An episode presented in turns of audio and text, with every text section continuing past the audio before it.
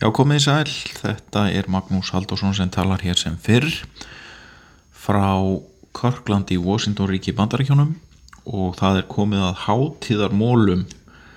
sem er svona hátíðar útgáfa af mólum og þeir eru ekki fimm í þetta skiptið heldur tíu. Og ég ætla að fara hérna yfir nokkur atriði sem að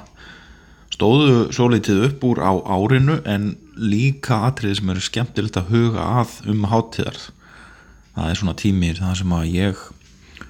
uh, nota, maður notar hann oft og ég held að margir gerir það nú að horfa svolítið yfir árið og horfa yfir, yfir stöðuna. Hvað er búið að gerast markvert á árinu og hvað er framöndan þetta er svona já þessi þáttur mun, mun enginnast svolítið þessum pælingum fyrsti mólin er eitthvað sem ég nefni bara maður ársins spurningamerki. Og þar ætla ég að fara yfir uh, þrjá einstaklingar sem ég fannst já, koma svolítið vera áhugaverðir þegar kemur að þessu, þessu mati hverju maður ársins. Fyrsti sem ég ætla að nefna er, er sá einstaklingu sem að Financial Times kauð sem mann ársins en það er Nadella, fórstjóri Microsoft sem er það. Hann, uh, hann er indveri og er búin að gjör breyta þessum teknirisa sem aftur eru orðin leiðandi í teknigeranum hafði á sér orð sem svolítið gamaldags fyrirtæki ekki fyrir svo lungu síðan en er í dag með allt aðra áferð og ástæðan fyrir að hann var valin er ekki bara það að félagið er búið að vaksa um 70% í markasverði á þessu ári heldur ekki síður hvernig hann hefur talað fyrir opnum heimi, alþjóðavatum heimi það sem að allir er að fá að njóta sín hann er svolítið, þetta er, þetta er heimsborgari og mér finnst koma frá honum góði ströymar út í alþjóðavatan heim. Þannig að þetta var veð til fundi hjá Financial Times en, en uh, þegar kemur að heima á Íslandi þá, þá voru tvær konur sem að mér fannst skara fram úr í, í, í þessu mati á hverju maður ásins það er annars vegar ætla ég að nefna Drífur Snædar sem er fórseti ASI og hefur auðvitað verið ábyrjandi í, í bæði stjórnmál, stjórnmálum og verkefælissefingunni lengi. En mér fannst uh, hún vera svona glæða mikið nýtt lífinn í verkefælisefinguna þegar hún kom og hún skipti mjög miklu máli í því að ná saman lífskjara samningunum auðvitað eins og aðrir fórustumenn í í hagsmunarsamtökum og, og verkefnarsæðingunni en ég held að það hafi skipt mjög miklu máli að hún hafi verið í fórustu fyrir ASI og síðan finnst mér hún vera næm á aðalatriðin í þjóðfélagsumræðu þegar það kemur að stöðu verkefnarsæðingarinn og hvernig hún á að beita sér. Þannig að mér finnst vera að komi svolítið svona endur nýjaður krafturinn í verkefnarsæðingunni með drífu og þess vegna er hún svolítið já, hún er, finnst mér svolítið standa upp úr hvað hvað svona uh, hagkerfi var þar en það eru eflu stildar menningunni þetta en þetta er það sem að mér finnst. Og síðan er það Hildur Guðnadóttir tónskáld en hún hefur verið að hún náði alveg ótrúlegum árangri á skömmun tíma í, í lískarininni e, í tónsmíðum. Og uh, kvikmynda tónlistin sem hún hefur búið til fyrir annars vegar Tjernobyl þættina og síðan mestarverkið Joker. Eh, er eitthvað sem að, sem að ég er ekkert alveg vissum allir átti sig á hvað hefur verið hvað hún hefur rauninni er orðið stórt nafn í kveimundum ég, maður finnur fyrir þessu hér út í bandaríkjónum að þetta er eitthvað sem að risti djúft hún á eftir að hafa gríðarlega áhrif og persónulega finnst mér að hún eigi að fá Óskarinn. En uh, þessi árangur hennar uh, minnir okkur á það að, að drauma geta ræst og það er hægt að ná miklum árangri með að setja sér góð markmið því að það er, það var engin að segja mér neitt annað en hún hafi þurft að hafa gríðarlega mikið fyrir þessu öllu en það gerist ekki svona gerist, gerast hlutinir ekki að sjálfu sér. En mér finnst hún vera manneski ásins eða maður ásins er höldur guðnadóttir að mínum að til þannig að þetta já, hún þessi árangur hennar er það ótrúlegur að eh, ég, maður eins og ég segi vonast til þess að hún vinnu Óskarinn, það er því svona nýtt fyrir, nýtt fyrir Ísland. Er þið gaman? Uh, síðan er það móli nummið tvö sem að ég skrifaði henni hérna minnisbókina mín að væri sjóasefni en uh, ég ætla bara góðfúslega að mæla með þáttum sem eru inn á, inn á Netflix um setni heimsturöldina þar sem er fjallað um líkil atriði í setni heimsturöldinni ég er mikill áhuga maður um setni heimsturöldina eins og margir. Og uh, það er gaman að horfa á þess að þetta og í senn líka bara að láta huga reyka og velta fyrir sig hvernig óskupón gata þetta gerst að heimurinn færi inn á þessa braut. En það er mitt það sem er farið yfir hvernig þetta gerðist og hva, hvernig þróaði stríðið, það er farið yfir líki latriðin í stríðinu í, í þáttum sem er á Netflix það sem eru viðtöl uh, við sagfræðiprofessora í Þískalandi, Bandaríkjónum, Breitlandi það sem þeir fjalla um uh, líkil atriði í stríðinu. Og meðal annars er þetta bardaginn um setan í, í Fraklandi þar sem að þjóðurarnir náðu á þremur dögum að vinna bardagan um, setan. Og síðan er farið yfir uh,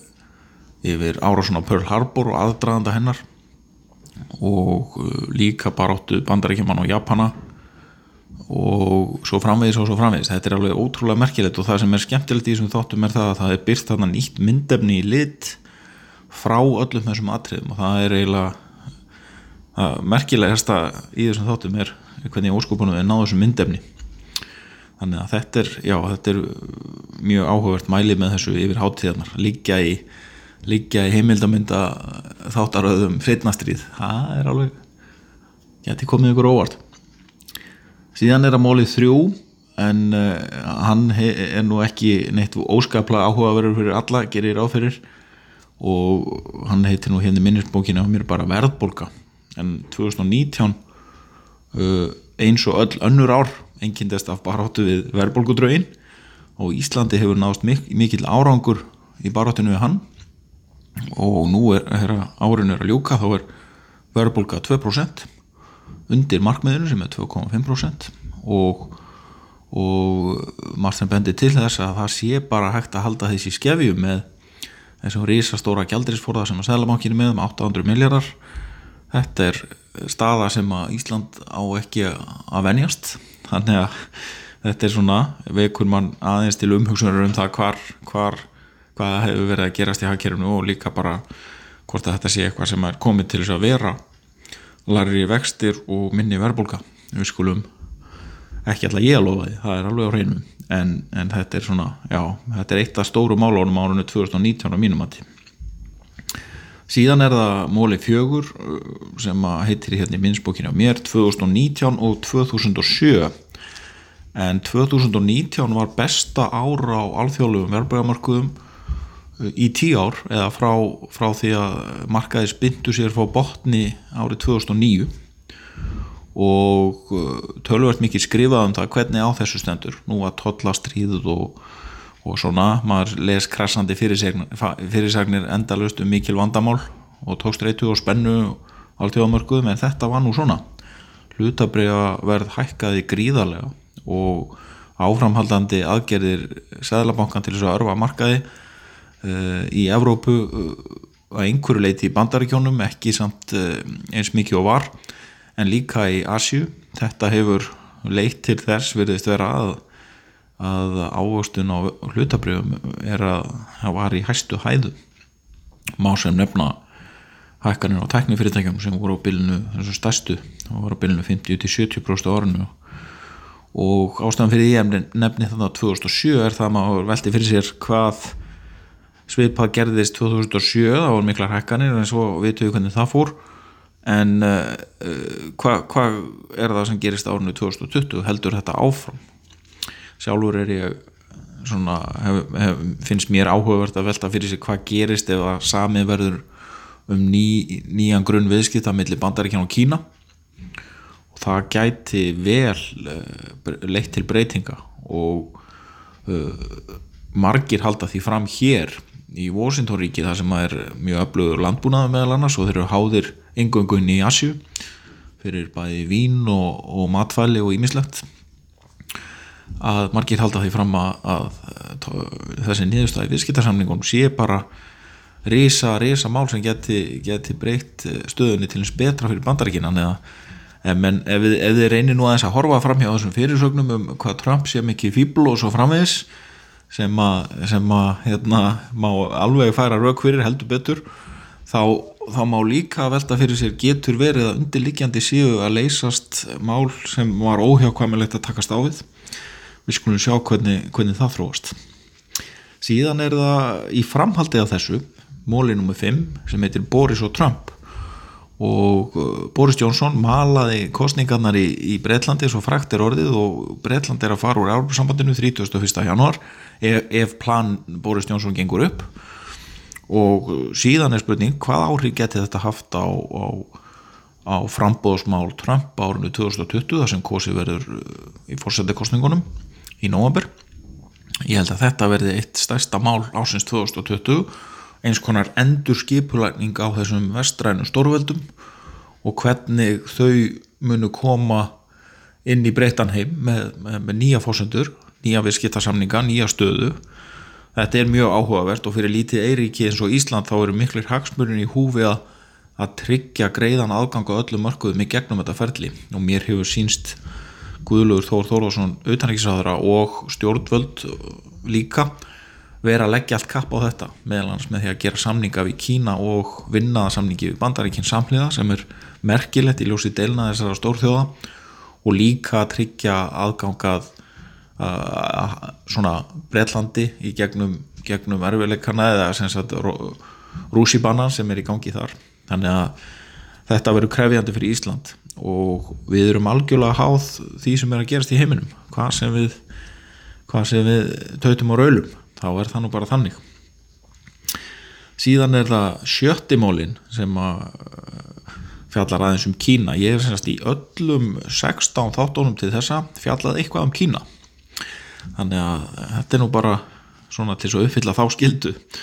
en uh, sjöttimólin heitir Ritskoðin í Kína. Uh, það er óhugulegt margt sem er í gangi þar finnst mér þegar kemur á Ritskoðin hún er náttúrulega alltaf verið mjög stíf Uh, kynverð stjórnvöld og gennum ríkis fjölmjöla stjórna allir fjölmjölaumræðu en það er ekki bara fjölmjölaumræðu en það er líka upplýsingaflæði almennt, internetið og nú 5G-væðingin og svo framvegis. Þetta finnst mér vera eitt hafa verið eitt stærsta málið árinu 2019 og, og maður sér það að 5G-væðingin í gegnum kynverskan búnað og kynversk fyrirtæki hún, þetta er víða að valda milliríkjadeilum, Þískalandi, Bandaríkjónum Kanada og svo framvegis. Þetta er mjög mjög áhugavert finnst mér og held að þetta verði áframhaldandi mjög stórt mál 2020 en gæti líkorðir hluti af viðskiptarsamningi bandaríkjana og Kína. Þannig að sko, þið skulu skil, hérna, fylgja skratt með þessu. Síðan er það móli sjö uh, sem er hérna, skrifað hjá mér mest spilað. Hvað var mest spilað lægið hjá mér á Spotify árunnu 2019 það geti nú komið ykkur óvart því að það er, það er um það byl 40 ára gamma, gammalt lag með Billy Joel. Þannig að það má alltaf kynna sér nýja og nýja músík. Þannig var staðan einfallega hjá mér, ég hafði ekki kynnt mér almenna Billy Joel fyrir ég fór að gera það í byrjun ást 2019 og hlusta á allt útgefið efni á þessi réttri röð. Og komst að því sem sagt að hann er snillingur algjör snillingur og fyrstu plötur hans sérstaklega fyrsta fyrstu 15 árin eða svo eru alveg ótrúleg meistaraverk. Þannig hvet ykkur til þess að kynna ykkur líka eldri tónlistamenn ekki bara nýja. Síðan er það áttundimólin hann heitir nú bara Star Wars. Og ástæðan fyrir ég minnist á þetta er það að auðvitað komið ný Star Wars mynd, ég fór á hann í kær með sinni mínum. Við vorum cirka bát jafn spendir hann er 12 ára sem sagt og hún er búin að kynna okkur allt og alla hlýðarsögur og svo framvís Jól, góð jól eru með eitthvað aðeins af Star Wars. Þannig að endilega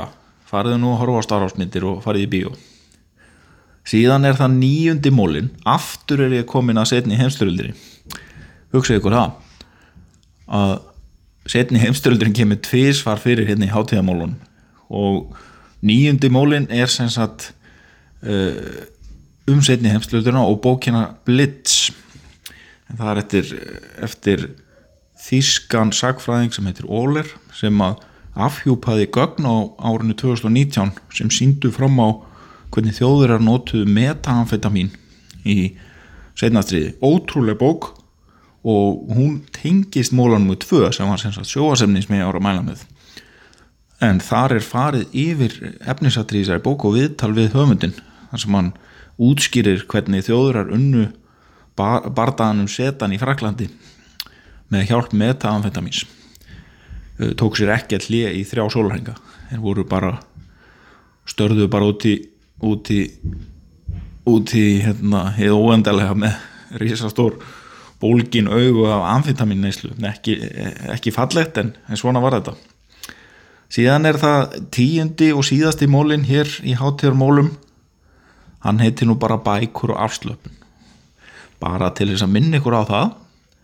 að á jólum er gott að taka bók og tala við síðan ánurtu og hafa það gott gleðilega háttíð og sjáumst að heyrumst á nýju ári. Takk. Takk fyrir að hlusta á hlaðavarp kjarnans.